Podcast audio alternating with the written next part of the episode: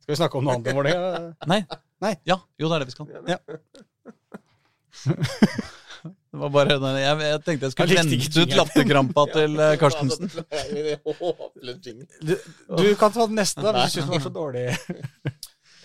Men det er ikke bare vår Åh, Sorry.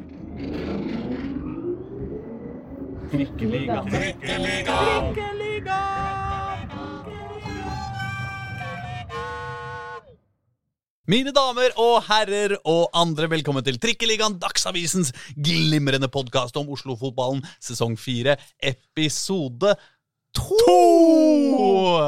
Hei, Håkon Thon. Halla. Fint å ha deg i studio. Takk det samme. Jeg er litt forsiktig med å ta bort på denne mikrofonen nå, fordi det er skjøre saker vi opererer med. Ja, ja, vi hadde et aldri så lite, aldri så lite mikseruhell i, i forrige uke, så vi får eh, håpe at vår eh, venn podkastmikseren overlever også denne dagen. Vår kjære Rede. Yes, yes, yes. Eh, Hei til deg også, Pål Karstensen. Det er fint å ha deg her òg. Takk for det. takk for det. Har du det bra? Ja, det har vært fint. Jeg var oppe på Ekeberg i dag i sludd og minusgrader i shorts. Ja, nettopp, ja. Helt nydelig. Er det sånn at uh, det der shortsgåinga di i sludd og minusgrader er en slags uh, personlighetsbygging? Du prøver å, å bli huska på den måten. Han, hvem er han karen i shortsen? Å ja, jo, det er Pål Karstensen, det er fra Dagsavisen. Alle veit hvem han er, fordi han er han som går i shorts midtvinters. Ja, i dag så hadde jeg sjekka værmeldingen i dag, så hadde det nok kanskje blitt bukse. Oh, ja. Men det gjorde jeg jo ikke. Så jeg, det, det var jo overskya i går og overskya i morgen. Så jeg traff på i dag når det skulle være sludd og, og regn. Så Prøver du å si det var kaldt? det var ikke varmt. Nei, ok. Men var du glad for at du ikke trente fotball på Ekeberg, eller hadde det vært deiligere? Ja, det var varmere i hvert fall. Men det var ingen av spillerne som gikk i shorts heller, så det var jeg litt skuffa over. De skal jo faktisk tross alt løpe litt. Ja, du var den eneste Ja. i shorts på hele Ekeberg. Ja. Nei, men det er topp. De kunne jo kanskje hatt behov for eh, folk på trening. Ja, sånn, ja. ja. De mister så mye spillere om dagen. Ja. De, det forsvinner bare folk ut av Oslo-fotballen i disse dager. Nesten ingen inn. Alle løper sin vei. I shorts eller annet. Det er, det er det blant de tinga vi skal snakke om i dag. Eh, overgangsmarkedet. Vi er jo i eh, silly, både silly og serious season. eh, hvor det er både rykter og faktisk overganger som foregår i og rundt de aller fleste av klubbene vi, eh, vi bryr oss om. Jeg blir så stressa jeg står ser ned på Men du er redd for at mikseren skal gå til helvete, Ja, og derfor så greier du ikke å være fri i Jeg klarer ikke å si noen ting. Så jeg òg sitter liksom med Siden strømmen er her, Ja, så ja, liksom at jeg liksom Ja, det, jeg sitte, altså, det er din skyld hvis dette ikke funker. Ja, ja, jeg må sitte veldig mye i ro Ja. for å ikke komme borti den eh, strømmen. ja, nei, men jo, det er masse spillere som forsvinner eh, ut. Noen kommer inn. ja, Sånn er det jo. ja. Og det, det skal vi gå gjennom. Ja. Og det blir topp. Det, det skal bli topp. Bra. Um, Jeg gleder meg, jeg. Jeg gleder meg, Slakk. Ja, ja. Jeg, syns jeg du er en strålende programleder. Oh, takk skal du ha, Håkon. Vet du hva jeg gleder meg til? Eh, andre påskedag? Eh, nei. Jeg blåser i andre påskedag, Å ja. Det er jo sesongstart. Eh, men det er ikke det jeg gleder meg til. Jeg gleder meg til uh, hele resten av uh, fotballsesongen 2023. Eh, nedover i divisjonene, rundt omkring i hovedstaden. Kamper vi skal kjøre T-bane, trikk, eh, busser med tre sifre. eh, alle mulige tre rare sifre. ja, altså, Du kan jo hvis du skal liksom på Hvis, hvis du skal Nei, på eh, La oss si uh, Furuset, for eksempel. da Ja. det er jo kanskje ikke noen fotballbaner der hvor 300-bussen går til. Jeg veit ikke. Ja. Men de rareste ting, i hvert fall, som vi skal komme oss rundt, eh, rundt eh, i, og, i, og, i og rundt Oslo-fotballen. Jeg gleder meg, òg. I året. Ja. Eh, vi snakka jo om det, at eh, det har vært gøy å finne en, en ekstra, en spesiell kamp i år. Ja, ja, ja. ja, At eh, vi, eh, ja, på vårt første forsøk på opptak her, så, så hadde vi veldig lyst til å, til å, til å finne en kamp. Men Dette har jo vi snakka om lenge, Aslak. Ja, At det hadde vært gøy å bare prøvd å blåse opp en match, Oslo-fotballmatch, et skikkelig rivaloppgjør, eller et, eh, eller et nytt oppgjør. Altså en eller annen gøy kamp med en historie, Ikke sant? som, som vi kanskje da sånn, Vi sa vel høyest fjerdedivisjon, da. Men, men helst kanskje femte og nedover. Tenk deg om vi drar med oss podkastmaskina oss til Ja. Abildsø i juni, eller til eh, Ikke sant eh, Ja, Haugenstua da i, eh, i uh, august, eller et eller annet, eh, et eller annet eh, knalloppgjør mellom, eh, mellom to lag som det virkelig betyr noe for, på en eller annen måte, men, men som kanskje ikke de andre legger så mye merke til. Ja, som At det er en gøy historie der kanskje fra før, eller at som du var inne på, kanskje en ny klubb mot en, en gammel klubb. Kanskje en ny bane? ny bane hadde vært stilig. Ja. Men i hvert fall, hvis, det var det vi gjerne ville ha noe innspill på. Uh, hvis folk der ute har noen tips til, eh, til sånne kamper som det kunne vært gøy at vi kanskje lagde noe på i forkant. Kanskje som du sier, spille inn noe podkast, snakke med litt folk. Gjøre det til en enda større match enn det det allerede er.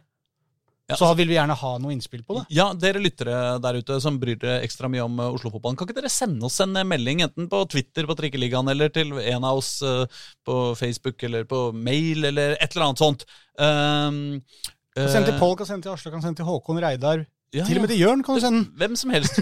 og, så kan du, og, og, og liksom temaet er hva er den feteste breddekampen i Oslo i 2023? Hva blir den? Hvem, hvilken kamp er det vi virkelig burde kaste oss over Og det som sultne være- gribber? Og det kan jo være en kamp som man ser ligger langt der framme i horisonten også. Ja. Du vet at det er to lag som sannsynligvis kommer til å gjøre det bra i år. Mm. De skal møtes i nest siste runde, eller sånne ting også. Kan vi holde et lite øye med det. Ja, ja. Men, vi, men som du sa, kan gjerne ta flere sånne runder òg. Ta, ta en i juni, eksempel, og en eh, på høsten. Ja, ja. Nei, men Kanskje det er eh, FC Oslo mot eh, Holmlia? Nei, det er for høyt oppe i systemet. Ja. Kanskje det er, kanskje det er Men min favorittkamp, Klemetsrud mot uh, Holmlia, for eksempel. Hvis det, vet ikke om den går opp i år, jeg, men Kampen om Oslo sør. Ja, ja, ja, det er deilig. Kanskje, kanskje det finnes et skikkelig sosse-clash? Ja. Uh, Ullern mot Bygdøy, eller noe sånt. ikke sant? Eh, Keg-kampen. Ja. Eh, ja, eller eh, Nei, jeg, jeg, altså, det er, det er så mye. Det er jo dette, du understreker vel egentlig på mange måter bare poenget vårt her. Vi har ikke full kontroll på alt nedover i systemet, så det er derfor vi ber om den hjelpa. Hvis det er noen som sitter på en fet kamp, Mm. Som, som dere syns at Trikkeligaen burde, burde dekke ekstra. Det synes du. Og, og Dagsavisa eh, f- eh, For øvrig. for øvrig, som du allerede abonnerer på, fordi du er et topp Et strålende menneske. menneske som er glad i Oslo-fotballen og vil at noen skal bry seg om den. Ja. Da er det fint om du abonnerer. Nok om det. Det var flott. Da kan vi eh, kjøre til jingle, uh, Borgersrud. Ja.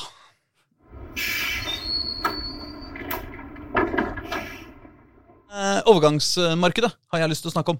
Det er jo sånn at Det i- gidder ikke vi. i eh, sesong Faen. I sesong så er det jo sånn at det, det aller mest stas uh, for uh, oss som uh, podkast og de som er opptatt av Oslo-fotballen, er jo internoppgjør. Uh, ikke sant? Eh, eh, Grorud mot Ullern. eh, Koffa mot Er ikke eh, internoppgjør, er ikke det sånn Vålerenga spiller mot Vålerenga? Ja, ok. Internoppgjør byen. Der, Ja, ja. Derby. derby. By, bykamper. Interne bykamper. Ja. Uh, og det er det jo ikke nå, eh, når det er vinter. Men derimot så har vi jo fått eh, noe annet. Vi har fått eh, en overgang mellom de to beste klubbene i Oslo. Faktisk. Det er jo spennende! Ja. Aron Kiel Olsen. Når du sier det sånn, så eh, det, det, egentlig rart at ikke det er en større greie. Tenk deg det. Det er en overgang fra den nest største Oslo-klubben, Ja. hovedstadsklubben, Mm. til den største. En, ikke sant? en derbyovergang. Ja. Det kan man ikke si, men uh, naboovergang. Ja.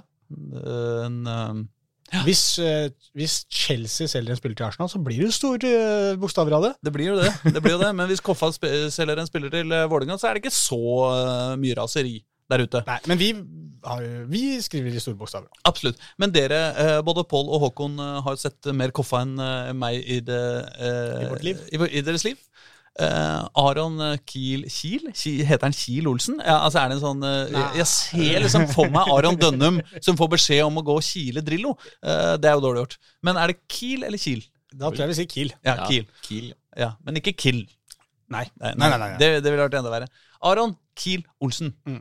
Hva slags eh, spiller er han? Ja, han er jo det er, øh, De som har sett den, vet jo Vi kan vel egentlig si det begge to, øh, Pål. Vi er jo enige om at han er jo en, han er en rask stopper. Mm. Mm. Eh, og det er jo, slik vi ser det, en type stopper som Vålerenga virkelig trenger. Det er jo noe de ikke har egentlig hatt for vane å ha.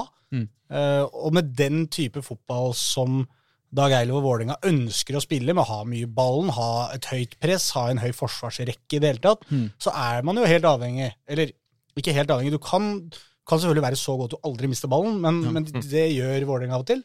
De greide å få bronse uten en rask stopper. ja, ikke sant? Og, så det går an å være en god stopper uten å være rask, men, men det er jo nok det de har tenkt med denne, denne overgangen her. Mm. At her har du en spiller som til Dette husker jeg Isnes snakka mye om også da de henta han, at det tillater KFM også ville jo spille mye ball høyt i banen, disse tinga. Det var jo det som var et av poengene med akkurat han. Mm. Dette gir oss noen muligheter til å på en måte flytte opp enda mer, da, fordi vi har den, den tryggheten med farta til Aron bak der. Og det, det er en spennende overgang. Eh, Så får vi jo vente og se hvordan det blir et steg opp for eh, Aron. Han har jo vært veldig god i første divisjon, da. På. Mm. Ja da, det, jeg var jo på, på Ekeberg senest i dag, og da ny, Senere kan det ikke bli, si. Nei, eh, nye treneren Johannes Mosgaard snakka jo også om akkurat det samme.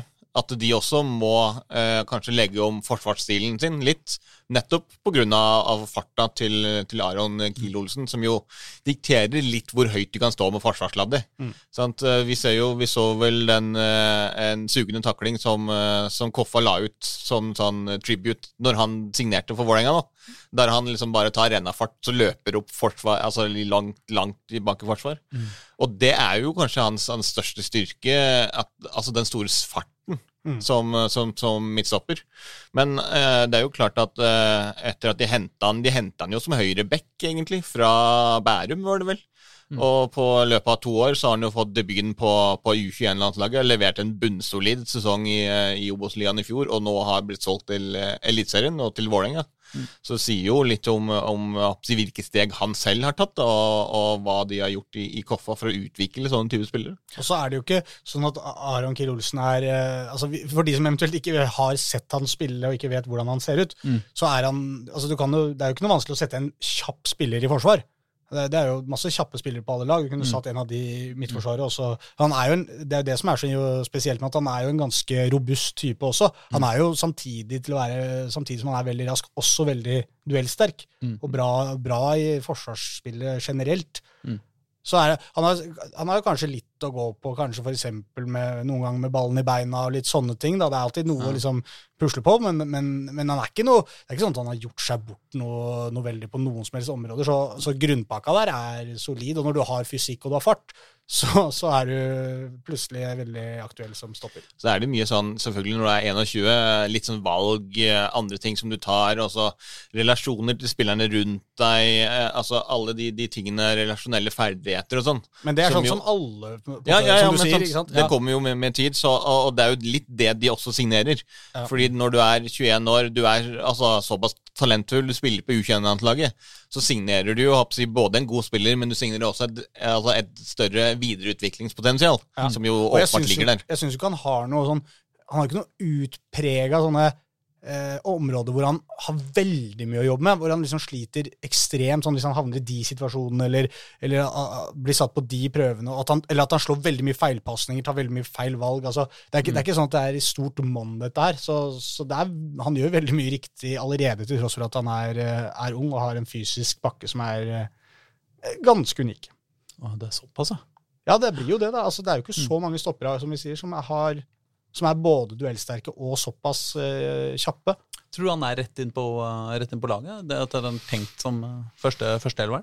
Det er så vanskelig å si. De skal, ikke sant? Du skal kjøre en sesongoppkjøring, og det kommer Mm. til å avhenge av hvordan han gjør det en, der. Ja. en ny stopper. sånn. Mm. Det er jo, Men jeg tror nok planen er at han skal få lov til i hvert fall prøve seg en del. Ja. og så får vi se om det er det om han er rett inn fra seriestart. Kanskje høres litt heavy ut, jeg vet ikke. Det, Men, men det er jo litt sånn, altså, hva, hva tenker du om Brynjar, liksom? Eh, fra i fjor. Altså, han leverte jo en Da eh, snakker vi altså om Vålerengas eh, 21-årige midtstopper, eller 22, en- de der i leia fra Island, som Mm, ja. hadde en eh, veldig opp og ned sesong i fjor. Ja, det er, akkurat, det, det er jo akkurat Mest det. ned, Liksom. kanskje. Ja, altså, han, han eh, starta jo fryktelig. Sant? Og så så dårlig at han jo da ble satt ut av laget etter runde åtte eller ni, og ikke spilte igjen på flere måneder. Mm. Så kom han jo inn på slutten igjen, med litt, eh, altså etter at eh, Ivan Nesmar ble solgt, og det ble en skader i forsvaret, og sånn, Mm. og gjør det så vidt ok. Jeg synes han var overraskende god jeg, Ja, ja, ja. i de aller aller Men, siste men kampene der. er det liksom litt av at du har satt han tidligere i sesongen, og da var han helt håpløs? Det kan jo være. Ja, eh, fordi det er liksom, hva, hva tenker du med han da? Er, eh, altså, gir de han et nytt forsøk som, altså, som fast førstelagsstopper? Mm. Eller har han nå havna bak i køen bak Aron som de har signert? Sånn? Det, det vet vi ikke. Det må vi jo se litt på, på, ja, på, på treningskamper, litt oppkjøring og, og, litt sånn hvordan de finner hverandre i, i det bakre leddet der. Men det lukter vel uansett av at uh, den gode, gamle uh, Ivan og Tollås, tospannet som skal spille alle kamper fra start til slutt, det, den, det, er nok en stund til vi ser igjen i, i Vålerengas midtforsvar uansett, i og med at, i og med at Stefan Strandberg er, han, er jo en, en voksen mann. Og hadde jo allerede i, i fjor høst spilte jo ikke mer enn halvparten av de kampene som, som, var etter at han kom inn i laget, tror jeg. Så i hvert fall, det er jo ikke noe grunn til å tro at han skal, skal holde det, det, blir sikkert mange, mange, muligheter til å få prøvd seg. Ja. Det, det Men jeg tenker også litt sånn, jeg syns jo alltid at når man snakker om hvem som skal spille, hvem skal man satse på, mm. eh, så syns jeg jo også alltid at det er et, vikt, eller et lite poeng i hvert fall også hva skaper mest eh, entusiasme og engasjement blant de som faktisk heier på laget. Mm. Altså Hvis du står med flere alternativer på en plass, da, på en posisjon, mm. da har du jo islendingen der da, og Aron Kiel Olsen. Du, du, har sett han islendingen eh, litt. Mm. Eh, du har kanskje sett Aron Kiel Olsen ja, Du har kanskje ikke sett han noe særlig i det hele tatt. Nei, det er eh, veldig lite. Men du får høre litt om han nå, da. Mm. Liksom, hva, du, du som måte, supporter, hva skulle hva skulle du likt å sett at hun gjorde? Nei, altså Jeg må jo si at rent uh, altså nå, nå, er jeg utrolig lite fotballfaglig. Ja, men det, er det jeg mener. Nå skal du ja, bare være snakke ja, ut fra følelser. Ja, nei, så, så, må jeg jo si at riktignok er jo Aron uh, åpenbart fra vestkanten. Eller han er, jeg tror han er egentlig fra Moss eller Fredrikstad eller et eller annet sånt. Ja, men, men han, for, for, det, mitt inntrykk etter Wikipedia eller uh, Transfermarkt eller et eller annet sånt, var at han har, er vokst opp som lite barn i, nede i Østfold et sted, og så flytta til, eh, til uh, Oslo vest, men, men, lenge før. Men at han neppe har flytta dit av rent sånn fotballmessige årsaker. Mm. For han var uh, ung. Men, men jeg syns jo han ser Han ser jo ut som en fyr du har lyst på i Midtforsvaret. Ja. Han ser jo tøff ut, og du, du, du, man kan på en måte se det for seg at han uh, kan uh, kleppe et par bein. Ja. Mm. Uh, og det Altså ikke bokstavelig forstand, altså. Jeg er tilhenger av ja. okay. Men, men, men han ser litt tøff ut, og det er jo gøy. så er jo på en måte navnet Aron Jeg vet ikke om det er ledig egentlig i Vålerenga? Om, om man har lov til å hete det så kort etter forrige Aron? Det tror jeg er greit. Ja, du tror det? Ja. ja det er vel sant. Det gikk ikke så veldig bra med forrige Aron. Så han kan jo I, i hvert fall i den forrige perioden, da, på lån. I siste, siste perioden. Så, det var ikke gøy. Så han kan kanskje gjøre det litt bedre enn det. Ja.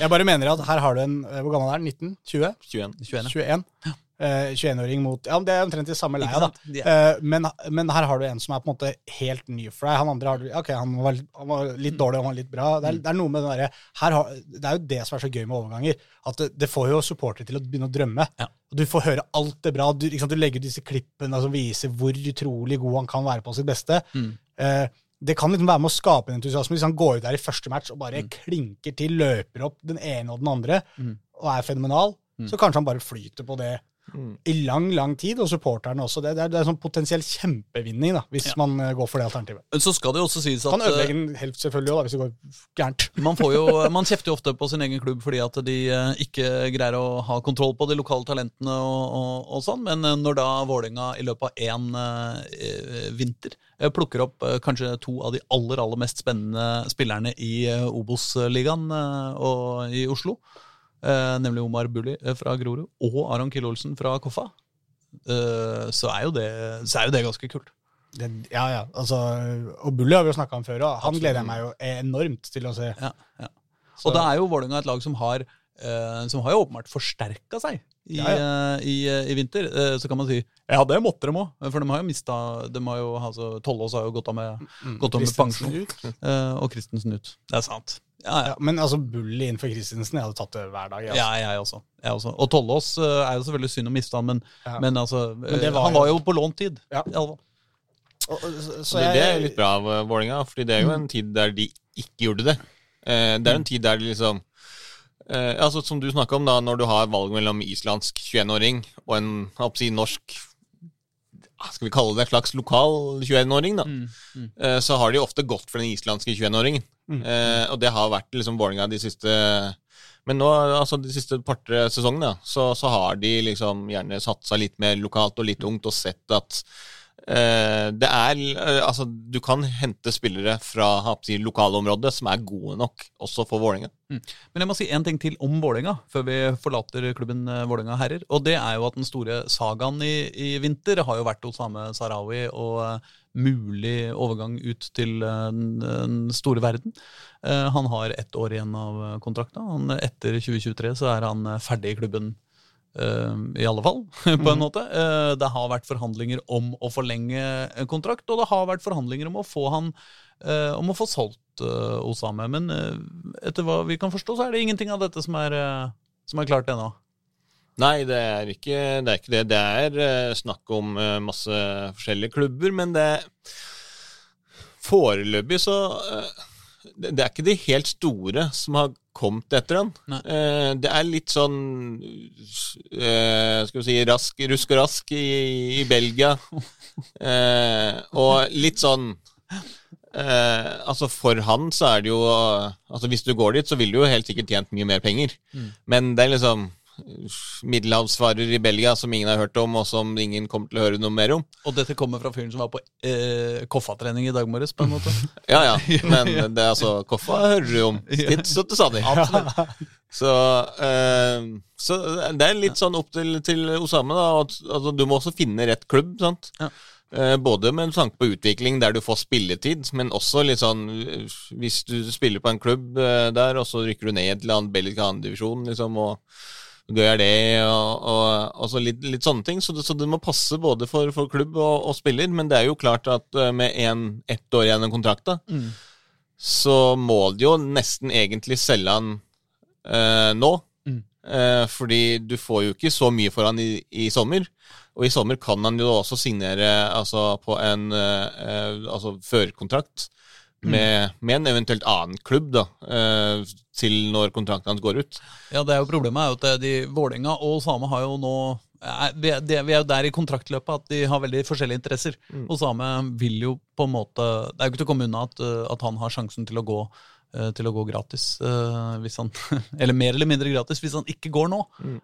Så det er klart at for han så ligger det jo en stor bonus i å, eh, i å bare vente ut eh, dette vinduet og uh, la det stå til. Mens Vålerenga har en veldig veldig stor eh, økonomisk interesse i å, i å selge han Ja, for det er jo, det er jo veldig for to- todelt, på en måte. Den, Osama trenger jo ikke å, å rushe noe som helst, egentlig. Han kan jo bli i Vålerenga, og han, han kommer til å få spille, han kommer, de, han kommer til å utvikle seg hvis han blir i Vålerenga. Men for Vålerenga sin del så blir liksom historien litt annerledes. De vil jo helst da se at, at han i hvert fall skriver på ett år til, da, sånn at Ja. vi har litt bedre forhandlingskort overfor de klubbene som vil hente deg, Ja. enten i sommer eller da neste januar igjen.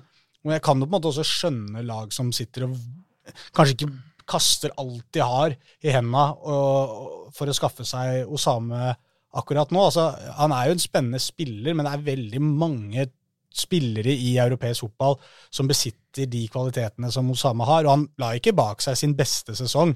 Han var, han var nok enda hetere egentlig eh, forrige eh, januarvindu på mange vis, for da hadde han lagt seg bak en veldig, eh, veldig interessant første sesong der Ja, ja. som var, eh, hvor han virkelig slo igjennom og var glimrende.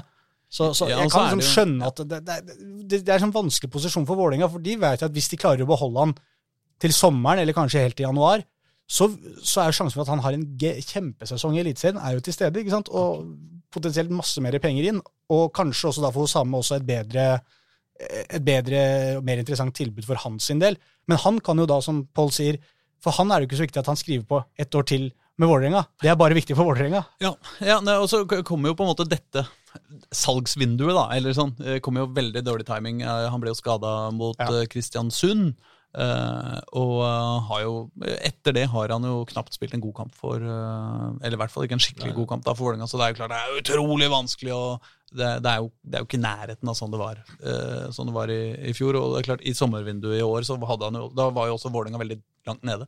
Men var liksom tanken at Sarawi skulle ut og Bulli skulle inn, på en måte?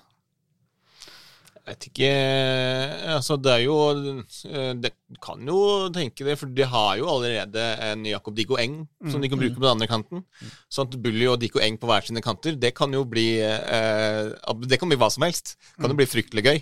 Men, men, men det er Altså, begge er jo veldig, veldig unge og, og litt sånn uprøvde, så det kan jo også bli at de faller igjennom. Ja. Så, så Men Bulli kan jo også spille på treeren i midten der, da. Ja da, det, det er også godt mulig, men det, det, det er litt sånn med, med, med Osame at uh, Altså, han Hvis han hadde levert på det nivået som han gjorde f.eks. mot Lillestrøm da, mm. i fjor sommer, da han jo var helt uh, altså, outstanding mm. Altså dro jo av uh, bekken gjentatte ganger, skapte fryktelig mange, mange sjanser og sto nesten for den seieren på egen hånd. Mm. Så han har levert sånn liksom, på litt jevnere basis, så hadde det vært lettere å få solgt han i det vinduet her, fordi du ser at han har potensialet inne, men, men er han stabil nok og god nok? Og det er kanskje det de klubbene, i hvert fall i utlandet, ser på. Da. Så det er som du sier, Håkon, at det her eh, det, han har, eh, altså, det, det, altså De ferdighetene han har, er det mange som sitter på. Og hvis du da ikke har altså, den jevnheten inne da, til å produsere hele tiden, så er det kanskje lettere å ta sjansen på den andre. På den andre sida så er det jo da det ene argumentet som virkelig eh, er til fordel for Osame sjøl, for at han skal gå nå, er jo at han er jo nå eh, han, han, han begynner jo å bli voksen, han også. Sjøl om han er fortsatt absolutt ung. Men det er jo klart, det er, eh, det er jo eh, det er jo, eh, hvis, eh, hvis du virkelig skal, opp og, virkelig skal opp og fram her i verden, så lønner det seg å komme seg ut så tidlig som mulig også. Men det blir spennende å se. Eh, kanskje det blir en reforhandling av lønn. Ja. Kanskje det blir et Ja. salg. Kanskje det blir eh, ingenting som skjer, og at Osame eh, venter ut kontrakten. Du skal jo ikke heller se helt bort ifra akkurat at det siste skjer. At da, liksom, hvis han ikke blir solgt nå, at du da reforhandler ny kontrakt til sommeren. Eh, bare for at Vålerenga kan sitte på litt bedre eh, forhandlingskort, og så selge han. Fordi jeg vet ikke, altså, Hvis det kommer an på Hvis Osame vil gi noe tilbake igjen til Vålerenga, så er det jo liksom sånn at eh, hvis han da går ut kontrakta og går gratis, så får jo ikke Vålerenga igjen noe annet enn type utdanningskompensasjon. Mm. Så da er det jo også Og litt mål og assist og sånn, da. Jo, jo, jo. Det er det fått også ut av. Det, det altså i løpet av sesongen, men, men når han da forsvinner. Og da er det jo muligheter for at han, han signerer en ny kontrakt bare for at Vålerenga skal, skal kunne bruke det som en forhandlingskort mot andre klubber. Til at du får igjen litt mer form. Selv om da altså, han egentlig han, så ikke vil ja, vil, vil liksom ikke fortsette, men allikevel skriver en ny toårskontrakt, f.eks. For, at Vålerenga kan få, få prisen på den. Men det er jo sånn, det som er, det som er med, med Bully da, i forhold, bare fordi jeg syns det er gøy å snakke om Bully Det er jo at han har jo, hvis du sammenligner med Osame, så har jo han han har jo én åpenbar eh, stor fordel på Osama, og det er jo at han har en veldig fysikk, i tillegg til å være en tekniker. Det har jo ikke Osame. Det er jo også kanskje det noen eh, klubber ser på. Han er jo en, han er jo en eh, lett spiller, uten at det nødvendigvis viser seg i moderne fotball at det er noe ulempe. Men, men det er noe med den råskapen på, på han Bully som jeg er veldig spent på å se om de Hvis de får liksom maks ut av han Han kommer til å bli så latterlig god, men så blir, er han jo sklir han med skader, da. Ikke sant? Det er sånne ting også. Hvis, plutselig er han ute et halvt år, han. Ja men det er jo uh, ingen tvil om at ja. liksom hvis du uh, hvis du har litt vondt et sted, og du blir lagt inn på nøkkelfeelingssjappa på Grorudsenteret, liksom, så er det kanskje litt for forskjell på det og på fysioen på Intility. Oh, ja. Ok, stikk til eh, fysioen på, oppe på Grorud. Nei da, jeg bare tuller. Eh, Jeg veit ikke hvordan de, hvordan de jobber på Grorud med, med den type ting, men jeg tror ikke det er noe tvil om at det, det fysiske apparatet er eh, større. Ja da, men- men Det, bare- det er viktig også, for han, har jo en, han er jo veldig eksplosiv. Ja. Sant? Og eksplosive spillere er jo i større grad eh, faren for, for å bli skada, både i mer, mer raskere muskelfibre og, og kan dra på deg litt, litt av hvert. Og spesielt når du har, hvis du har det som, som ditt sterkeste kort. Da. Ja, Så- poenget mitt er bare at hvis du, hvis du, hvis, hvis, altså Vålerenga-folk er jo veldig glad i Osame, men poenget mitt her er vel bare at hvis de holder Bully skadefri, så tror jeg ikke et eventuelt salg av Osame altså, da, da tror jeg ikke de kommer til å savne han så mye. Nei, Det er enig. Da kan vi bevege oss eh, videre til andre klubber.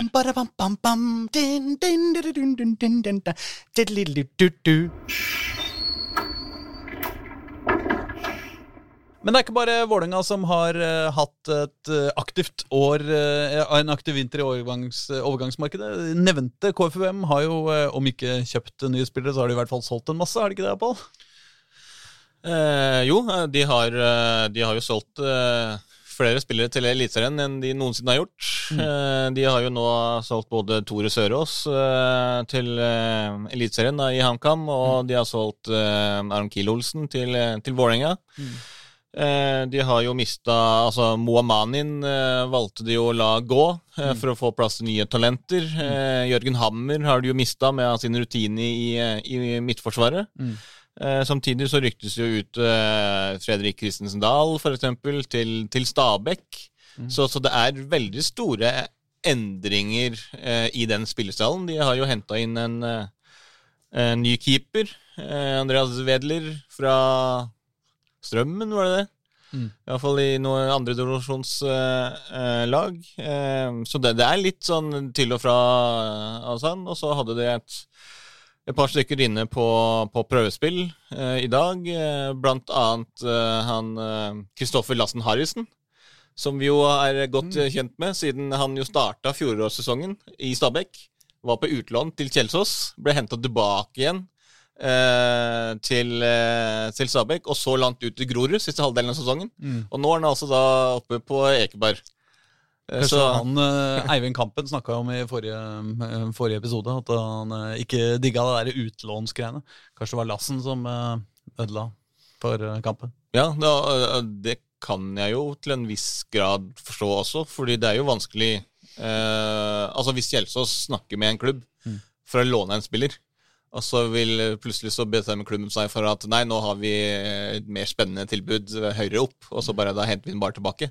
Og det er jo liksom plutselig så står jo der Da har du jo liksom lagt planer med han, og du har snakka med klubben om du kan få låne han, og så plutselig ombestemmer klubben seg, og så, Men, eh, men altså er det litt eh, Det er jo, eh, som vi snakka om i stad, det er jo stas selvfølgelig at Koffa selger og, og på en måte avgir spillere til Eliteserien og høyere opp. Også selvfølgelig en trener har de jo avgitt til uh, Eliteserien. Jeg vet ikke hvor mye spenn de fikk for Isnes, men men eh, er det, er det, er det Skal vi være litt bekymra for, eh, for eh, poengvåren på Ekeberg?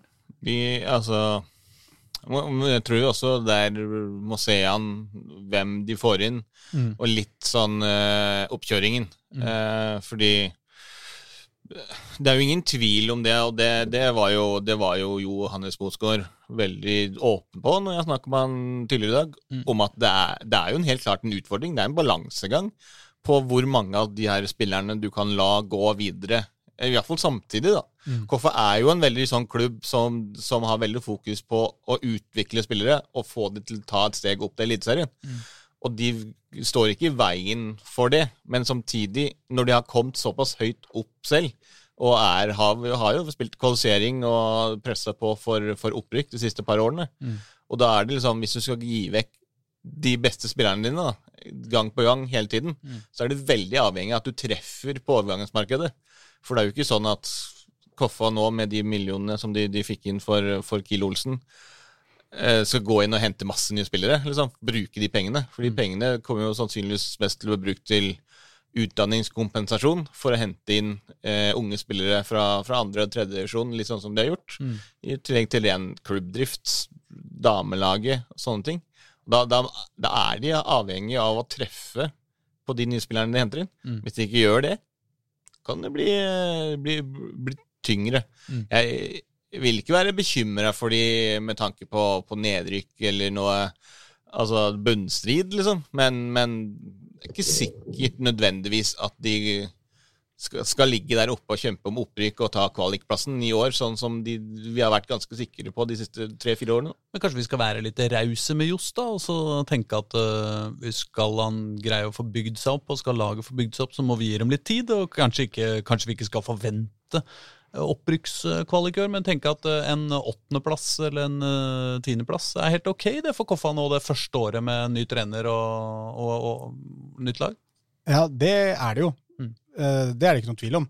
Fordi uansett hva de henter inn nå, så vil det være, som Pål sier, eh, noen litt usikre kort som vi ikke vet helt hvor eh, kommer, og det er avhengig av Johs og resten av trenerteamet og resten av spillergruppa, hvordan de får disse inn i troppen, og hvordan det kommer til å fungere. Mm. Eh, Så det er jo der nøkkelen ligger til om det kommer til å bli en kamp mot nedrykksstreken eller ikke. For jeg er litt bekymra for at det kan, kan bli så gærent også. Hvis, hvis de ikke treffer på det de henter inn, Mm. så, så kan, det bli, kan det bli ubehagelig for KFM. For veien i første divisjon er ikke lenger ned enn at hvis ikke du er med i den kampen Mm. om kvalikplassene, så er du egentlig med i kampen om å unngå nedrykk. Ja, det har i hvert fall vært sånn Uh, Ja, så, så jeg ser for meg en sånn, som du sier, sånn, en, en en, god, en mer enn godkjent sesong for KFUM vil jo være uansett hvis de bare holder seg, egentlig, vil jeg nesten si noe. For jeg føler litt at de lader litt om Mm. akkurat nå. Mm. De, nå er det ny trener, det er masse spillere. Det virker som de siste sesongene med KFM nå, så har de på en måte gradvis Vi har sett dem liksom, sesong etter sesong, de har klart å holde på noen av disse spillerne. Sørås som har gikk nå, har liksom han har tatt noen steg, det er flere andre spillere som har tatt steg, de har blitt værende, de har henta inn noen nye. De har liksom gradvis prøvd å presse seg gjennom det hølet og inn og gjennom og ut på andre sida til Eliteserien. Hvis det går an å si. Ja, det, det er litt i tvil om. Ja, nei, men ikke sant, at Gjennom det nåløyet så er å komme seg opp i Eliteserien. da. Ja. Eh, At De har på en måte bygd for det og, og prøvd å stå samla i den kampen. Nå liksom Isnes ut, Moss Nå skal det på en måte Det føles som K5 skal begynne litt på nytt, Mm. på en måte. Selv om mye av det, det gode gamle er igjen der likevel, så er det likevel såpass mange sentrale spillere ut nå. Mm. At hvis de er med og kjemper om eh, en kvalikplass, Mm. men ikke klarer det, så er det egentlig en veldig god sesong, syns jeg, for eh, KFM, og mer enn godkjent, på en måte. Jeg blir ikke, jeg kan i hvert fall ikke sitte her og si nå at jeg, jeg er kjempeskuffa hvis ikke KFM klarer topp seks i år.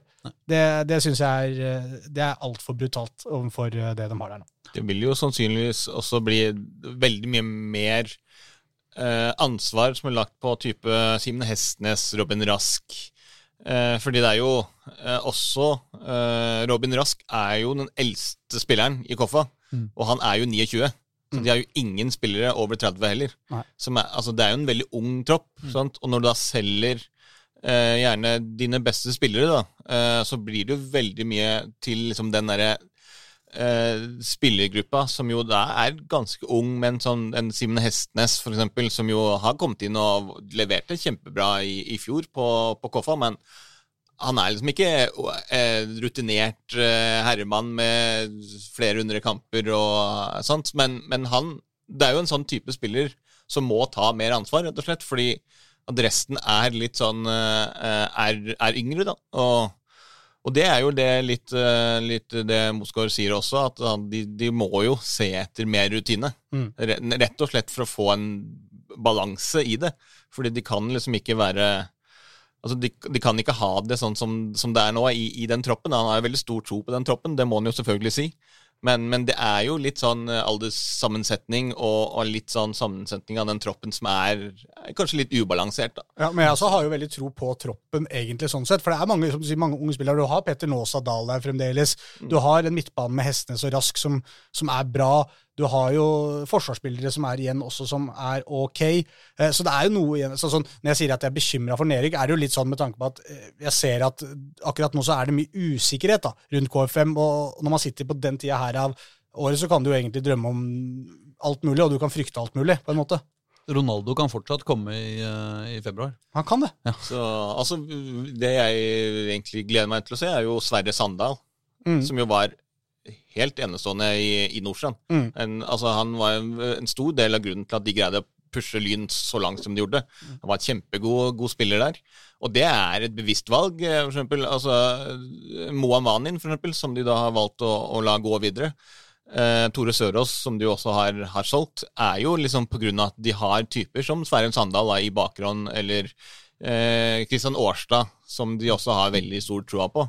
Og, eh, og det er liksom måten de har valgt å gjøre det på. Eh, men, men Sandal er, han, han, han gleder meg til å se i, i Koffa i år. Og hvis, hvis, du får, altså hvis du får han til å bli like god som, som i Nordstrand, sammen da med Hestnes og, og Robin Rask, så kan en midtbane bli eh, Altså det kan lukkes svidd av den midtbanen i året også. Ja, og der mener du, altså føler du la, De lader litt om nå. Disse spillerne som du nevner nå, mange av disse forventer man og håper man man kan høre om i KFM i to-tre sesonger til, ikke sant, før de blir solgt.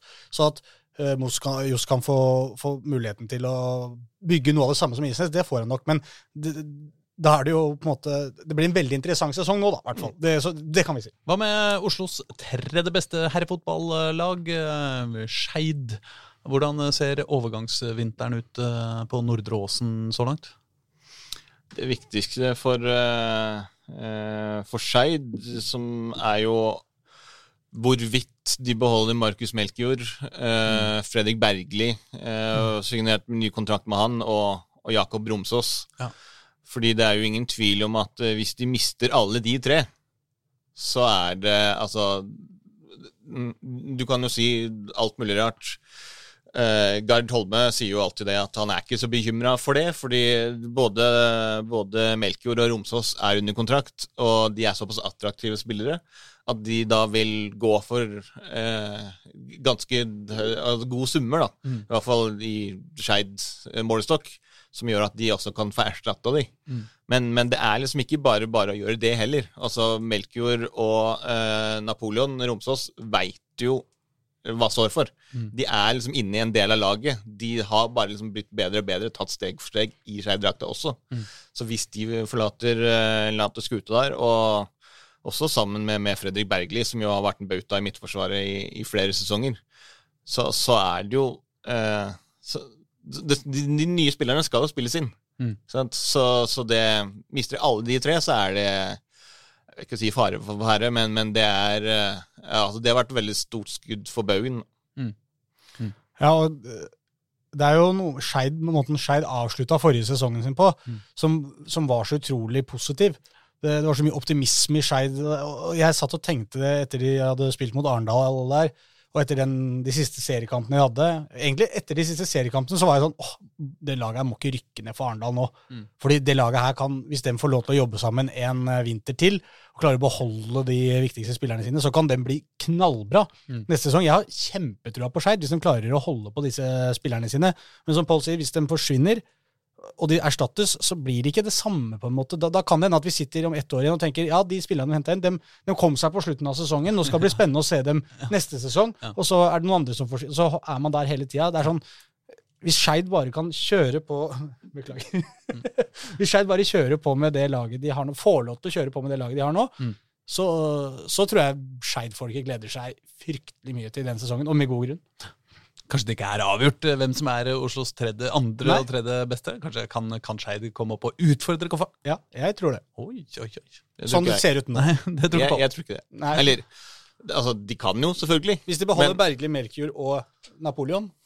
Ja, altså, hvis, og hvis du fortsetter utviklingen fra i fjor, mm. så Men jeg, jeg, tror fortsatt Koffa eh, Altså det laget, altså kvalitetene som de besitter det skal at det, Treningshverdagen fortsatt veldig, veldig bra. Altså det, eh, jeg tror jo at, eh, at Koffa har eh, altså et grunnlag da, som, som gjør at de, de, skal gjøre det bedre enn en Skeid. Men det er jo klart at uh, Skeid har jo allerede f.eks. erstatta uh, Bergli med Fredrik Flo, f.eks.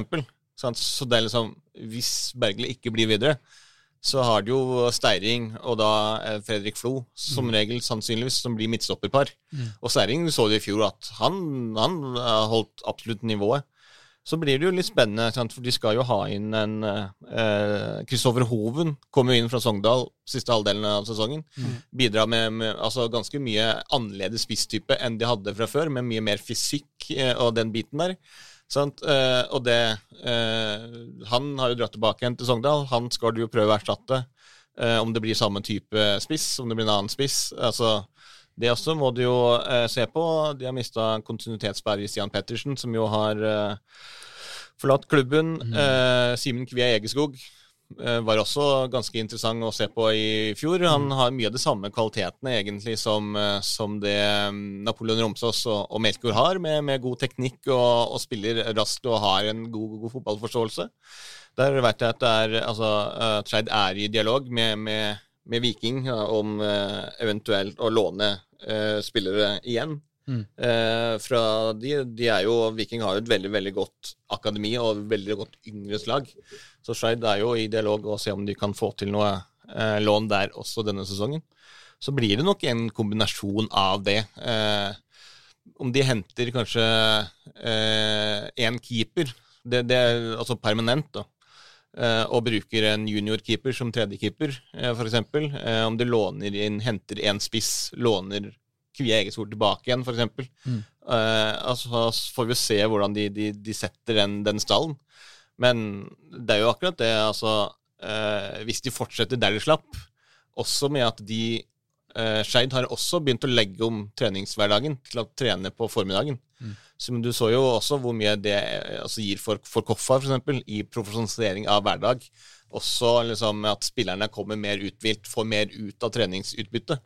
Hvis de fortsetter med det, her, så kan det jo absolutt være eh, bedre good times ahead for, for Skeid. Jeg, jeg syns det er gøy at du, du starter med å si jeg tror, jeg tror Koffa kommer foran Skeid, og så kommer du med en eh, drøss med argumenter for at Skeid kommer til å havne foran eh, KFM. Men unnskyld meg, er ikke vår eh, Er ikke den historien dere har fortalt uh, tidligere om Skeid, nettopp at uh, de er som en uh, kortstokk med masse Du kan bare når som helst bare bytte ut hvem som helst. De har to like gode lag. De har jo, Ja. ikke sant, superspiss Superspissa forsvinner jo. Inn kommer det en annen superspiss. De har liksom liggende et skyggelag eh, som, som kan håndtere hva som helst av utskiftinger.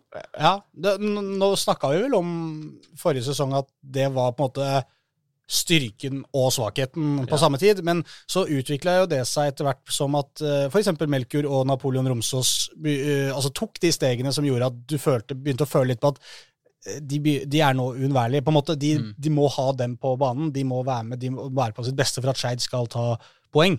Mm. Så, så det er ikke liksom bare å kvitte seg med de og plukke opp Selv om de, alle de som Pål snakker om her, er jo veldig, veldig gode fotballspillere og, gode, og ikke minst godt potensial og spennende og interessante og alt dette her. Men, men de er på en måte der Napoleon Romsås var for halvannen sesong siden, eller hva vi skal si, noe sånt. da, ikke sant? Og da, da kan det hende at det tar litt tid også for dem før de, før de er på det nivået at de er uunnværlige.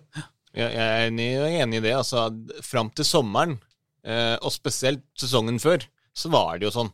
Da kunne Mm. du nesten spille med hvem som helst, og laget presterte omtrent like bra. Mm.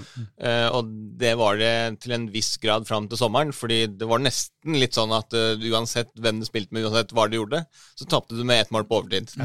Eh, men men det, det, det nye laget, det som du fikk satt, og de grepene du fikk gjort i løpet av høsten, syns jeg gjør det at liksom, hvis du da tok ut en, eh, en Napoleon Romsås eller Melkjord eller Bennik Riise, eksempel, som jeg også syns var veldig god på den sentrale midtbanen, eh, der, eh, så, så ble laget svekka. Mm. Og, og det er eh, absolutt både plusser og minuser med, med det. Eh, altså Har du et jevnt lag, så er det jo lettere å rullere. Du har flere folk som du holder eh, fornøyd. Men samtidig, hvis du har spillere som, som tar et ekstra steg, så vil det heve kvaliteten på laget. Ja, ja, for om du har et lag hvor du kan ta ut en spiller og sette inn en som er like god, så er jo ikke egentlig det noe styrke. For hvis han spilleren som du i utgangspunktet hadde i startoppstillinga, er unnværlig, så har jo ikke han andre spilleren som er i bakhånd, blitt noe dårligere av den grunn. Så hvis han unnværlige må ut, så ja, det kommer inn en som er litt dårligere, men han er jo Altså, utgangspunktet var jo mye bedre, da. Ja. Det ble jævla komplisert, det greier det der. Men eh, da melder jeg i hvert fall Skeid over KFM, ja, da, så kan Pål melde motsatt. Så, så har vi en eh, greie gående. Jeg eh, melder at eh, det blir Vålinga blir delt- beste Oslo-lag i år igjen. De vet vi. Eh, Nei, jeg, jeg melder at det blir delt åttendeplass, faktisk. Og det blir umulig å skille dem, for det Det blir likt koselig. i innbyrdes oppgjør, likt i poeng, likt i skårte mål og innslupne mål, eh, likt i alt. Du får best odds, i hvert fall. Ja, jeg, jeg tror uh, Skeid ville vært veldig fornøyd med en delt åttendeplass. Ja. Jeg tror også Koffe er Ja. brukbart fornøyd, men jeg tror Skeid ville vært veldig godt fornøyd med en, med en åttendeplass. Ja, eh, det som ville irritert Skeid, er jo at da eh, Fotballforbundet eh, kommer inn og sier at da skilles det på antall vunnede cornere. Eh, og siden KFUM har vunnet eh, eh, 139 cornere mot Skeids eh, patetiske 127, mm. så er det Koffa som havner for Eller, eller kanskje blir det på antall spilte hjemmekamper. Ja, det er akkurat det jeg skulle si. Eller motsatt. Ja. Antall hjemmearenaer spilt på. Ja. Ja. Da, da vinner jo Skeid ganske overlegent. Ja. Ja, det, det, det, det, gjenstår jo å se, men det, det blir spennende. Eh, vi skal tilbake til baner. Jeg bare lurer på om vi skal ta noe, Er det noe flere overganger i, i Oslo-fotballen som, eh, som vi burde, burde besøke? Dere belyste vel Midtskogen og Paintsill i Kjelsås sist. Ja, de, de mister jo de super, superspillere til Eliteserien. Hvis eventuelt ikke hørte den episoden, så er de da ute av Kjelsås. Og dere må skjerpe dere og høre den episoden. Ja. fordi Eivind Kampen er jo et eh, oppkomme av eh, artige historier. Fyrverkeri. Og ja, han er fyrverkeri, altså. Ja. Bortsett fra at han Krå. sikkert er mot fyrverkeri, av hensyn eh, til edderkoppenes ve og vel. Ja. Det er jeg jo enig i. Men nei, altså Se, altså Det som er det beste med Eivind Kampen, mens du kikker på det du skal kikke Ja. på, Pål, det er at eh, eh, altså at han ble litt flau over at han fikk det imaget som dette dyremennesket. Mm. Og så bare gjorde han alt han kunne for å bare fortsette å bygge opp under, under hele episoden. Ja, ja, ja. ja. Det er så fantastisk. Han Kliner til, vet du. Ja, det er herlig. Altså, jeg vet ikke du skal, hvor dypt du skal gå inn i Grorud, men Grorud for eksempel har jo eh, altså kvitte seg med en skokk-spillere og henta en skokk-spillere. spillere. Så det er litt sånn eh, Hvis du ser på navnene som har gått ut, da, så er det jo eh, altså med, med Bulli og med Mankovic og eh, Bjørn Martin Christensen som forsvant i løpet av fjoråret. og Bare det er tre ganske gode spillere, altså. ja, ja og, og det, det er mange spillere der. Tore Naustdal var vi jo ganske mm. imponert over eh, når han kom inn på, på lån. Eh, så eh, De som de har fått inn, da, er jo for, for oss litt mer ubeskrevne blad. Så det er litt vanskelig, liksom, og plutselig så kan det jo bli kjempebra, liksom. Eh, men, men ja, altså det er, det er ganske store utskiftninger, da. Men så skal, og så skal det jo på et nytt nivå, eller altså et nivå ned, så, så, så det, det blir jo spennende å se Grorud. Jeg tror Grorud eh, kommer til å ha en, en god sesong i der at hvis de får eh, utvikla laget, satt spillere, få en god spillerstil, få utbygga en altså vinnerkultur da, eh, der etter hvert, og så rykke, eventuelt rykke opp med det og en litt sånn ny giv, så kan det være bra for, eh, for Grorud. Og et spisspar med eh, Peter Goodley og Michael og Didrik Sereba i andredivisjon, f.eks., mm. det skal du på ingen måte kimse av. Nei, det Ja, så er det jo spennende med han Sadik Elmi også, da. På, på midtbanen til Grorud så er det jo litt sånn hva, hva skjer der eh, også, som du sa, Torje Naustdal ut. Altså, vi har jo på en måte eh, spillere med erfaring der i Hassan Yusuf også, så jeg, føler liksom at Grorud-laget er på en måte mer solide enn det kanskje folk tror. Man tenker at det er bare en gjeng med ungdommer, og så alle de litt rutinerte de forsvant når de rykka ned, på en måte. Men det, det er fortsatt ser ut som en ganske sånn fin miks der, og Grorud er på en måte Grorud er jo fortsatt lik seg sjæl, på en måte. Du føler at eh, her, kan, her kan det komme hvis- det begynner å gli for dem, så kan det bli skikkelig gøy på Grorud i andredivisjon nå. Ja, Men de var jo Og så har de veldig vel fortsatt Simen i mål? Ja. Det har ikke skjedd noe der? Eh, Ikke som jeg veit. Nei. Men eh, eh, det må jo også pekes fra at Groruds lag i tredjedivisjon i fjor Ja. også spilte jo veldig bra. Og der er det jo veldig mange spennende spillere som sannsynligvis vil få flere s- altså minutter og mer spilletid denne sesongen. Så det kan bli gøy. Og så vil jeg jo bare trekke fram Sebastian Sørli Henriksen, som de har sendt- eh, henta inn fra, fra Viking som midtstopper. Eh, han har jeg litt tro- troa på, mest fordi han eh, Jeg har sett han eh, en, et par år når han var litt yngre i Viking. Og han er en, en stoppertype som, jeg har, altså, som har mye potensial, som har mye bra for seg. Så, så det blir, blir litt spennende å se han som ordentlig få noe eh, minutter i voksenfotballen. Og ikke spille på, på tredjedivisjonsnivå, litt sånn som det har gjort i, i Viking. Ja, og en som, en, bare Kan jeg skyte inn en nå? Absolutt. Eh, Ikke at det er noe sånn sett nytt, for han spilte litt forrige sesong, men William Beglerud, han stopperen deres der, som også er en ung uh, egen gutt, han, han også har jeg veldig sansen for, for han er en sånn han har bra fysikk og virker som han er en sånn tøffing i huet, og så har han, eh, så har han en veldig god pasningsfot i tillegg. Så han er sånn spill, det er sånn typisk spiller som du følte at uh, førstedivisjon i fjor var på en måte litt for mye litt for tidlig, men andredivisjon ett år seinere, med litt erfaring fra førstedivisjon, kan, fort bli- kan fort bli veldig solid bak der. Det jeg gleder meg så fælt til. Altså, nå har vi jo eh, Helt siden denne podkasten begynte, så har jo, eh, så har jo eh, Grorud hengt i, og sjangla i taua. Og så har de gjort en utrolig innsats med å greie å holde seg oppe i alle disse åra. Og mot alle odds og mot økonomi og, og masse, masse greier. Og så blir det litt deilig når de nå skal få begynne å vinne litt fotballkamper igjen. Og se Grorud sprudle øverste halvdel av, av en tabell og vinne masse kamper og skåre masse mål og Nei. Men det, men Det blir deilig, det òg. Det er jo ofte sånn med lag som rykker ned at du, du altså det, er så, det er jo litt deilig òg. Ja, det er deilig når du først er i gang med det. Ja, det er kjipt når du rykker skjer, ned, og sant, alt dette her, men når du først liksom kommer i gang, så kan det være ofte gøy. Men selv når Grorud var i andredivisjon sist, så var jo Grorud fortsatt et lag som folk så, på og tenkte ja, de ligger høyt på tabellen, men her er det vel muligheter. Ja. Grorud, hva har de noen gang gjort? på en måte? Altså, De var jo nesten underdogger, selv om de lå på toppen av tabellen. Så var det fortsatt folk kom dit og tenkte at dette bør da være muligheter eh, til å få stoppa det angrepet deres. Mm.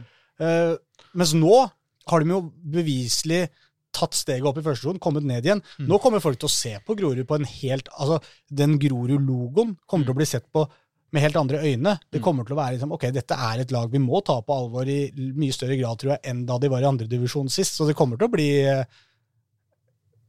hva skal vi si, spennende. Spennende. Alt, alt spennende. Alt kan skje. Ja, ja, men ok, Skal vi calle rekkefølge da på eh, de laga i andre divisjon? Eh, Tar vi sjansen på det òg, da? Oi. Vi må kanskje da innom Lyn først, da. Ja, vi, vi, Har vi noen overgangshistorier i Lyn-sagaen? Ja, de har jo henta Har du en team, eller? Ja. Jeg har henta inn en skog, men, nei, ikke skog da, men de, de henta inn tre spillere på julaften. Mm. Som jeg da var jeg satt opp på Eller satt opp på, holdt jeg var jo på og lagt deg, egentlig? Ja. De sendte inn tre, tre spillere på, på julaften, som jeg da venta med å gå rundt eh, treet og spise grøt og gå i kirka. Før jeg fikk lagt ut de overgangene der. Ja, Det er bra, Pål. Ja, ja. Eh, Men uh, Vi andre vi satt jo og måtte utsette middagen fordi vi venta på den nyheten ja. Ja, Ja. Så uh, Det mest spennende er kanskje uh, Altså I tillegg til Andreas Hellum, som er en spiss som de jo har henta fra, fra nettopp Arendal, som jo da møtte Skeid i, i opprykkskvalifisering, eh, så er det jo Jakob Hanstad, som de også har henta fra, fra Kjelsås. Oh, han liker jeg. Ja, altså det, det, er en, det er en kjempesignering. Mm. Det er en veldig veldig god signering av Alyn. Dessverre så har jo han blitt, blitt skada, er jo sannsynligvis ikke tilbake igjen i spill før sommeren. Mm. Men, men det, er en, det er en klassesignering. Ja, det, er en veldig veldig god eh, forsterkning for, uh, for Lyn. Ja, spiller som på en har levert i andredivisjon noen sesonger og har det nivået helt tydelig inne. Mm. Uh, og han kan jo, hvis Lyn går jo for å rykke opp, uh, selvfølgelig. Og da, da, han er jo en fyr som, dem, som, som har jo lyst til å prøve seg på sikkert høyere nivå også, som kan bli med i dragsuget opp i første divisjon, er jo sikkert håpet hans, da. Jeg koste meg jo med Ja, fra vår sak i, i, i desember eh, om at eh, de hadde dempa forventningene litt til den innsamlingsaksjonen hans i Lyn. At eh, de, de, de tenkte ikke de skulle få ti millioner, men kanskje det hadde vært greit med fem, eller et eller annet sånt. Eh, og, og i den saka så uttalte de jo at de, de skulle være realistiske og ikke ha for høye forhåpninger. Så de hadde budsjettert med to sesonger i andredivisjon før de skulle rykke opp.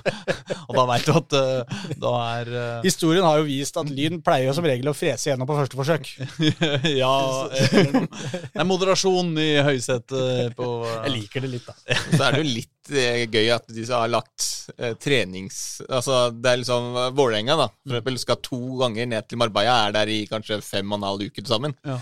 Så det- Lyn har lagt sin treningsleir i år. Det er eh, tre dager på Valdres.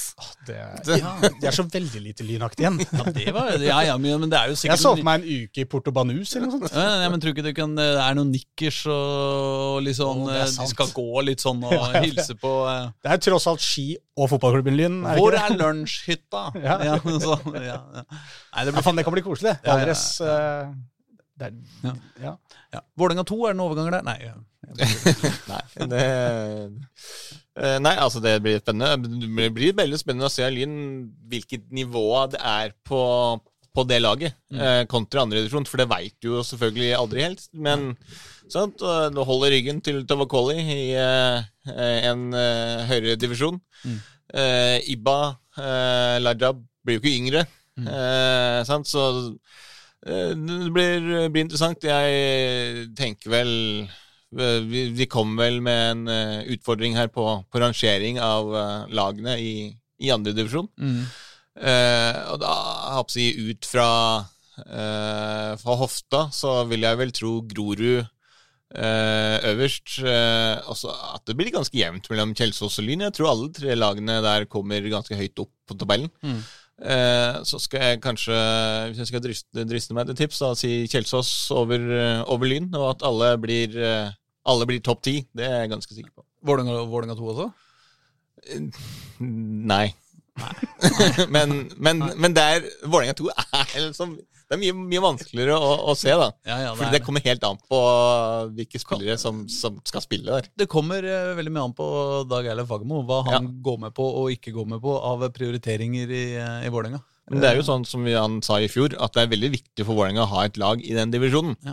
Men så er det kanskje ikke viktig å ha Altså, hvor på tabellen det laget havner, er ikke så farlig, for det handler liksom mer om eh, kamptrening og utvikling av spillerne. Så at de får en sesong til på ja, kjempe mot nedrykk. Skal ikke se bort fra det. Hva sier du, eh, Håkon? Tror du eh, er det samme rekkefølgen? Ja, Grorud, Kjelsås, Lyn, eh, Jeg satt Grorud, Lyn, Kjelsås, jeg, da. Jeg tror det koster litt for mye, det som har forsvunnet ut på Kjelsås. Mm. Men det er jo lenge igjen til vi starter, og i hvert fall lenge til det er ferdig. Ja, da. Nei, vi skal ikke gjøre noe offisielle tabelltips eh, nå, altså. Nei, Det- det men, eh, men jeg har litt Jeg har, litt, jeg har nok mest trua på Grorud, jeg òg.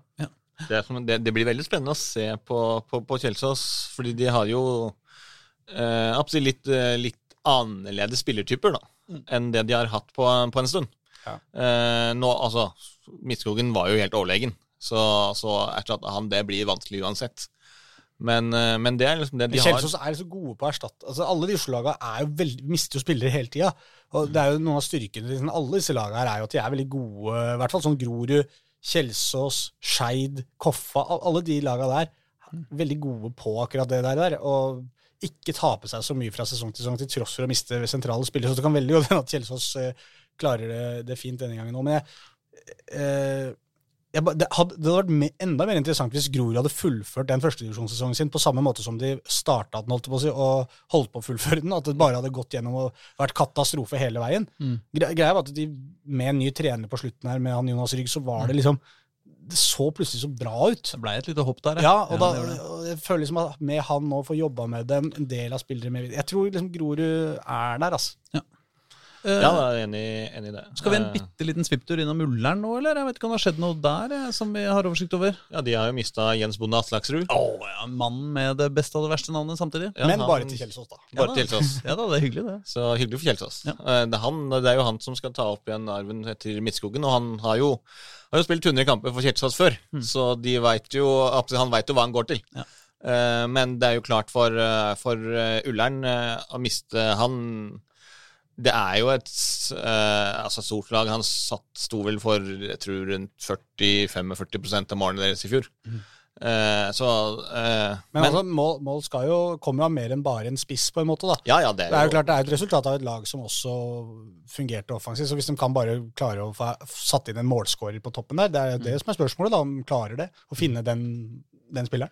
Ja, også trener, eh, trenerskifte. Trenerskifte, ja. Og det, Mm. det, det er litt det også som er Jeg vet ikke om jeg skal kalle det liksom eh, bekymringsverdig for, eh, for Ullern. Altså, ikke sånn trenerteamet, altså trenerteamet Stian Børven og sånn, de, altså Loke-trenerne. Ja, eh, vi tar sjansen på å kalle dem venner av podden nå. ja, ja, ja, absolutt. De har jeg altså, god tro på, liksom, men, men det er liksom det når, eh, når eh, Didrik Bjella da, eh, i de etter liksom, sesongen, og når vi har snakket med han, at Ullern ville ikke satse. Altså, De ville ikke matche hans ambisjoner. Sånn, de, vil, de var liksom ikke, altså, fornøyd med å ligge der de ligger, liksom. Eh, og ikke liksom pushe noe, noe mer enn det. Og da er det liksom, hvis du mister en sånn som Aslaksrud, da, liksom, og skal prøve å erstatte det med noe, vet ikke, noe fikse løsninger bortpå der, så Det var nest, Det var jo bare så vidt båten bar, på en måte. Mm, mm. Eh, så, så det er jo eh, Og hvis de ser for seg en ny sesong i nedrykksstriden, som jo fort, det, det fort blir når du da ikke har forsterket laget i noen vesentlig grad. Men, men så er det jo spennende hvilke ideer og nye tanker eh, som, eh, som eh, Børven og, og hans trenerteam kommer inn med. Så vi, vi heier på Ullern i år òg. Um, da har jeg bare lyst til å ha en bitte liten svipp innom Vålerenga damer. Ja. De har jo, eh, det er jo et, eh, det mest usympatiske kampropet i eh, norsk landslagsfotball er jo 'vi kan kjøpe hele Sverige om vi vil'. Eh, altså, Når man synger det, så må jeg skamme meg veldig intenst og, og synes det er fælt. Men uh, Vålerenga damer har jo altså kjøpt hele Sverige, holdt jeg på å si. Ja. Eh, de har i hvert fall signa både Linn Vikius, eh, midtbanespiller, eh, Felicia Rogic, en eh, 29 år gammel angriper, og Alison Abbe, eh, fra en wingback fra AIK. Uh, og så har de mista Camilla Huseby, da, i samme slengen. Eller uh, Ja. Uh, er det Er dette opptur, uh, Pål? Eh, jeg, jeg vil jo Kanskje litt vanskelig å si. si ja. Ja. Uh, eh, altså at de, de har henta inn spillere som jo da skal være bedre enn eh, eh, jeg si de som forlot klubben. Da. Det er jo ikke så mange ennå, men, eh, eh, men også de som, som de hadde der. eh, de har jo Agnete Nilsen langtidsskada, så de, at de har erstatta henne med, med flere på, på topp der, det, det sier seg selv. Mm. Eh, Elise Thorsnes eh, holder fortsatt koken. Eh, det store spørsmålet blir jo eh, akkurat sånn som da vi, vi snakka om eh, Sherida Spitze for et par år siden. Mm. Eh, eh, hvordan de greier å erstatte Dejan Stefanovic. Ja. Eh, fordi det er vel det som er den store samtaleemnet der. At mm. hun, hun har jo levert solid i alle sesongene hun har vært der. Er en av Eliteseriens beste spillere. Eh, hvordan, eh, hvordan det blir, det får vi se på. Men det at de de har greid å komme seg ut i Europa, eller de har ikke gjort det helt ennå, men altså, i hvert fall komme seg inn i en kvalifisering der, Mm. er jo, det var jo det som var målet, og det greide de. Og det er vel det som kommer til å bli eh, målet for sesongen også. Eh, selvfølgelig å gjøre det igjen eh, via ligaspillet, ta den andreplassen. Mm. Men, men altså, de, kommer til å, eh, de kommer til å legge veldig mye opp til å lykkes i den kvalifiseringen. Ja. Fordi det har Ja. veldig mye å si Fordi både eh, økonomisk, men selvfølgelig også matching mot, mot andre lag, som har gjort at de har tatt en del grep i oppkjøringen. Der de tidligere har spilt veldig mye kamper mot uh, uh, altså lag som Øhild og sånt i, Oslo. Mm. Og reist rundt og møtt litt sånn litt lag. Vi var jo veldig bekymra i uh, oppkjøringen i fjor, der de vel de tre første treningskampene ikke skårte mål. Mm. Eh, mot da lag på sånn ganske lavt, eller lavere nivå enn en Vålerenga, da. Så har de i år lagt mye, mye tøffere treningskamper. Mm. Eh, de skal en tur til eh, altså De skal jo ned til, til Marbella, de også. Eh, sant? at, eh, oppkjøringen er mye tøffere og mye mer eh, Hva skal jeg si altså den, den fremstår som at altså veldig mer utviklende og veldig, eh, veldig bedre, veldig mye høyere nivå på den enn det har gjort de siste par årene. Mm. Så, så jeg, det, det jeg tror på at skal, skal lønne seg for, for Vålerenga, som de har da selvfølgelig har brukt mye penger på og prioritert det. Så nei, altså foreløpig ser det eh, lovende ut. De har jo nå sin første treningskamp på lørdag. Så det blir jo da litt spennende å se. Oi, det er nå på lørdag alt, ja? Eh, så det blir jo litt spennende å se. Er det, er det hjemme, hjemme eller borte eller ute vekk? Eh, nei, det er her på Det er vel på den eh, kunstgressbane 2, eller noe hva det heter Oh, ja, noe. ja, Oppe, det er der, ja. på eh, yes. Det er den eh, nærmest Valhall, det tror jeg. Fordi jeg tror at en bane, kunstgressbane 1 er i midten. Altså er to nærmest Valhall og tre lengst Ja, eh, bort, eh, borte brødfabrikken på Økeren. Ville Altså, ikke Jeg skal ikke stille si, hva heter det, kabinettspørsmål på eh, akkurat eh, om det er én eller to. Men eh, eh, at eh, det er der jeg skal vi Kom igjen, da, vær litt imponert over lokalkunnskapen min på Utrolig nå! Ja, ja, det. Men vi skal også uh, må Røa nevne- er det på Men det er jo men jeg, det er ikke Er det på Røa? Nei, altså, det er mot Røa. Mot Røa. Men det Det er er, men det var riktig. KGB2, ja. KGB, da. Så men hvis, da hvis, du hadde meg. sagt, hvis du hadde sagt to, og det var på én, så tror jeg folk hadde funnet ut av hvis de møtte opp på to. Ja, det var Så hadde de skjønt å, det er kanskje det på én. Ja. Det var litt derfor jeg ikke ga den så, så mye kreds, for den, det er liksom ikke så vanskelig å, å finne ut. på en måte. Nei, nei. nei. Men eh, jeg bare tenkte å nevne også at uh, Stine Ballisager Pedersen uh, er dansk eh, Er den beste danske fotballspilleren i 2022, ifølge eh, danske spillerforeninga, eller hva faen det er. Eh, hurra! Hurra! Ja.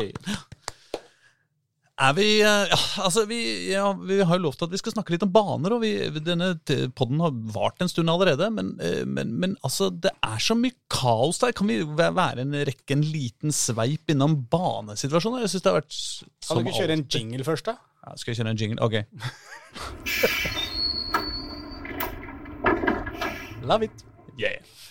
Uh, al altså, Det er jo alltid noe med Skeid og baner. De greier jo aldri å spille, uh, spille fotball på det der uh, rakkelverket de slenger ut på Nordre Åsen. Nei, det, det stemmer. Det, nå, det, altså, nå, nå blir det bedre og bedre. Dag for dag, kan jeg på si. Mm. Det er jo Det som- med en god vin og andre ting som blir korka. Det som er altså, I hvert fall fram til De har jo fått Det er jo vedtatt at de skal skifte tilbake igjen til gummi. Eh, Granulat på, på, på hjemmebanen. Mm. Men det kan jo ikke skje før at det blir litt eh, varmere i været. Mm. Eh, så det kommer jo til å skje nærmere eh, sommeren, i hvert fall utpå vårparten. Mm. Eh, og det gjør jo at f.eks. nå, eh, når det er, når det er plussgrader og grei temperatur, så går det an å spille der. Men, men blir det minusgrader, og gjerne kanskje da over et par dager, så blir jo den Altså, da fryser jo kokosen. Eh, og da blir jo den banen beinhard å spille på. Ja. Så da kan du ikke trene på, på Nordre Åsen heller. Så da må du liksom ut og finne nye forhold å, å trene på. Så det er jo liksom kanskje det mest prekære akkurat nå. Eh, samtidig så er det fortsatt ikke tatt noen avgjørelse hvor de skal spille cupkampen deres mot Molde på.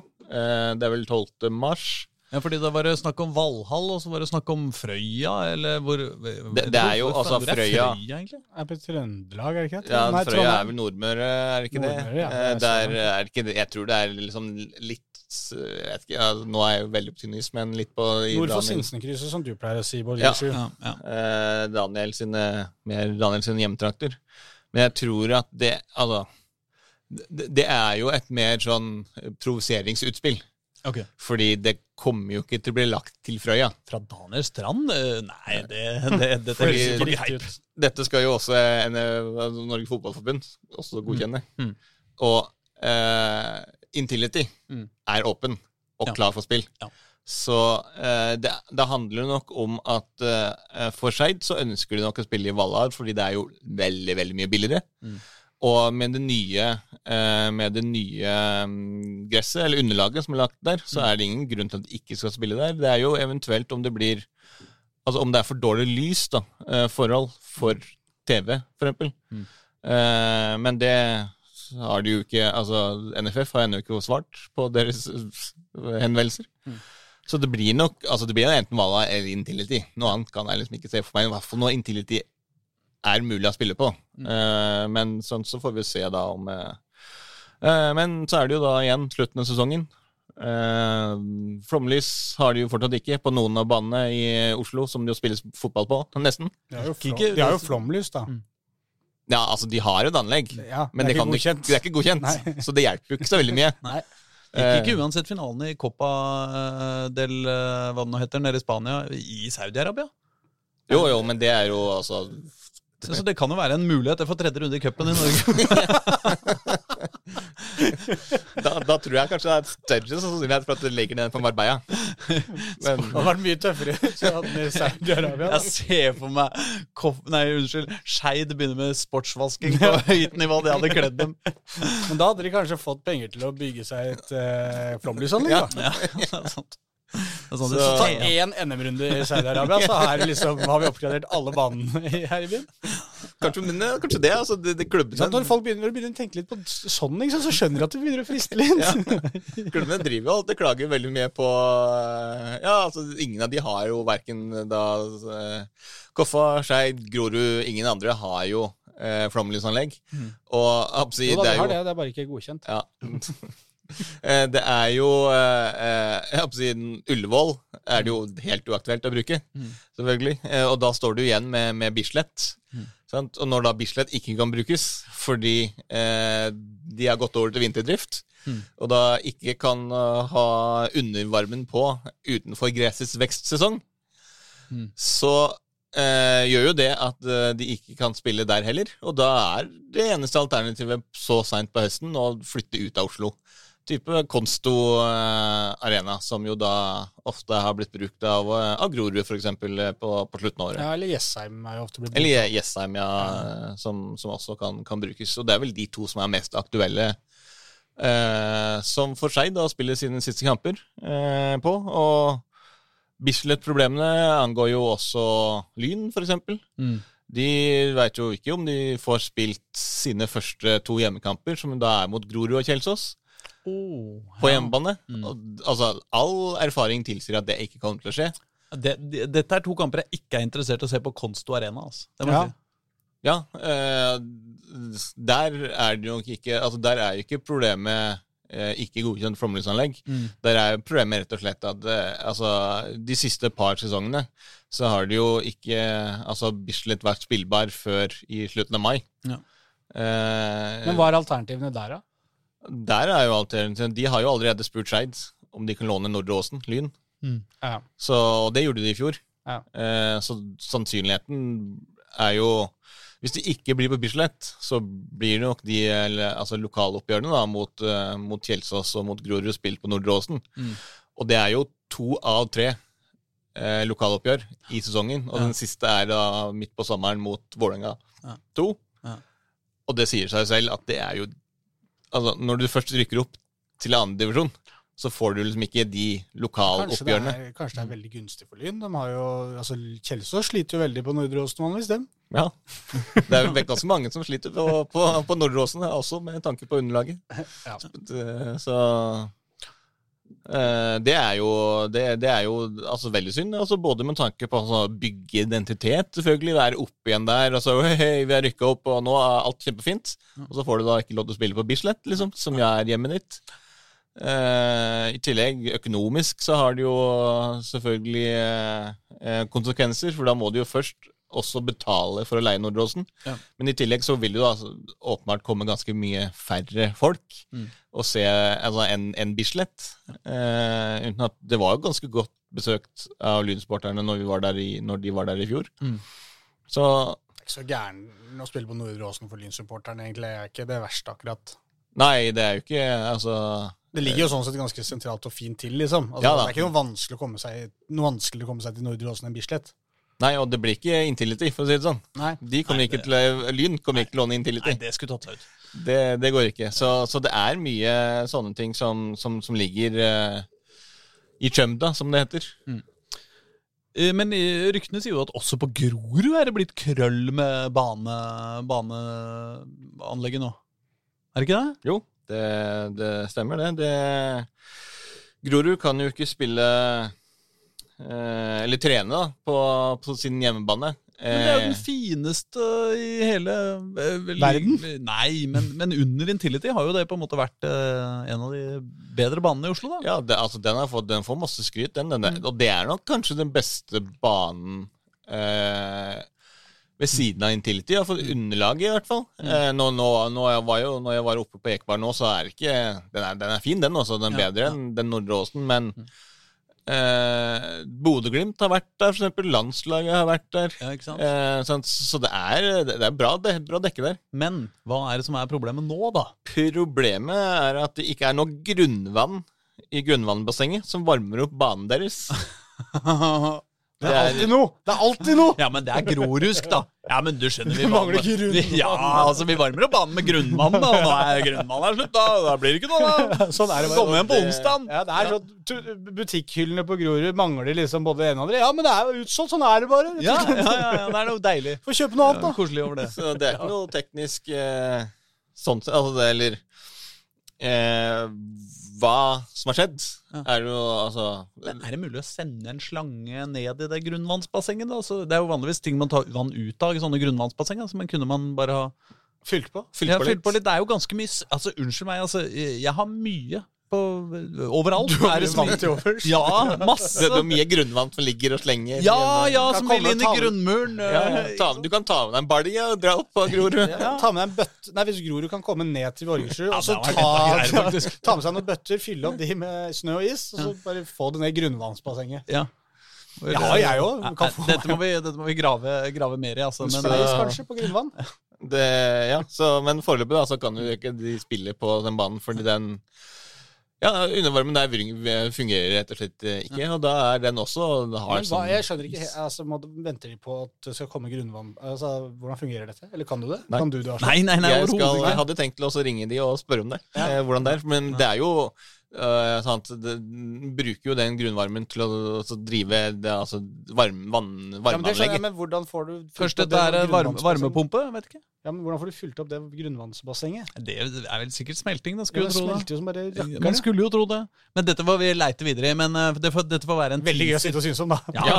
Kjempegøy. Men i tillegg til dette så reiser jo Vålerenga fotball reiser jo ut av landet for å slippe å skru på strømmen på Intility. Ja, altså, Altså, det er jo ganske sykt. Eh, altså, jeg, den derre eh, kalkylen, altså økonomiske eh, kostnadsberegningen, Mm. om at det er billigere å ha 35 mann, da. Mm. Eh, altså alle spillerne pluss et greit støtteapparat nede på Marbella to ganger. Mm. Eh, og ja, fem uker, eller noe Mm.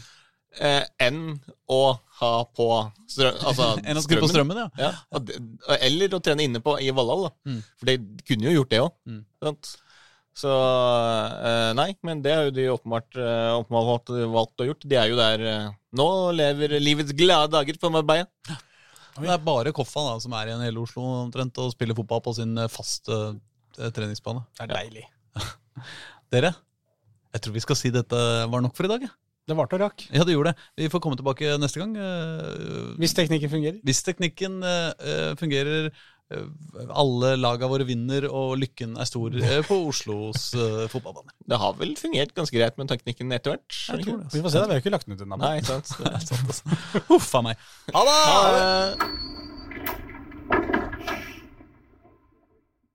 Du har hørt en podkast fra Dagsavisen.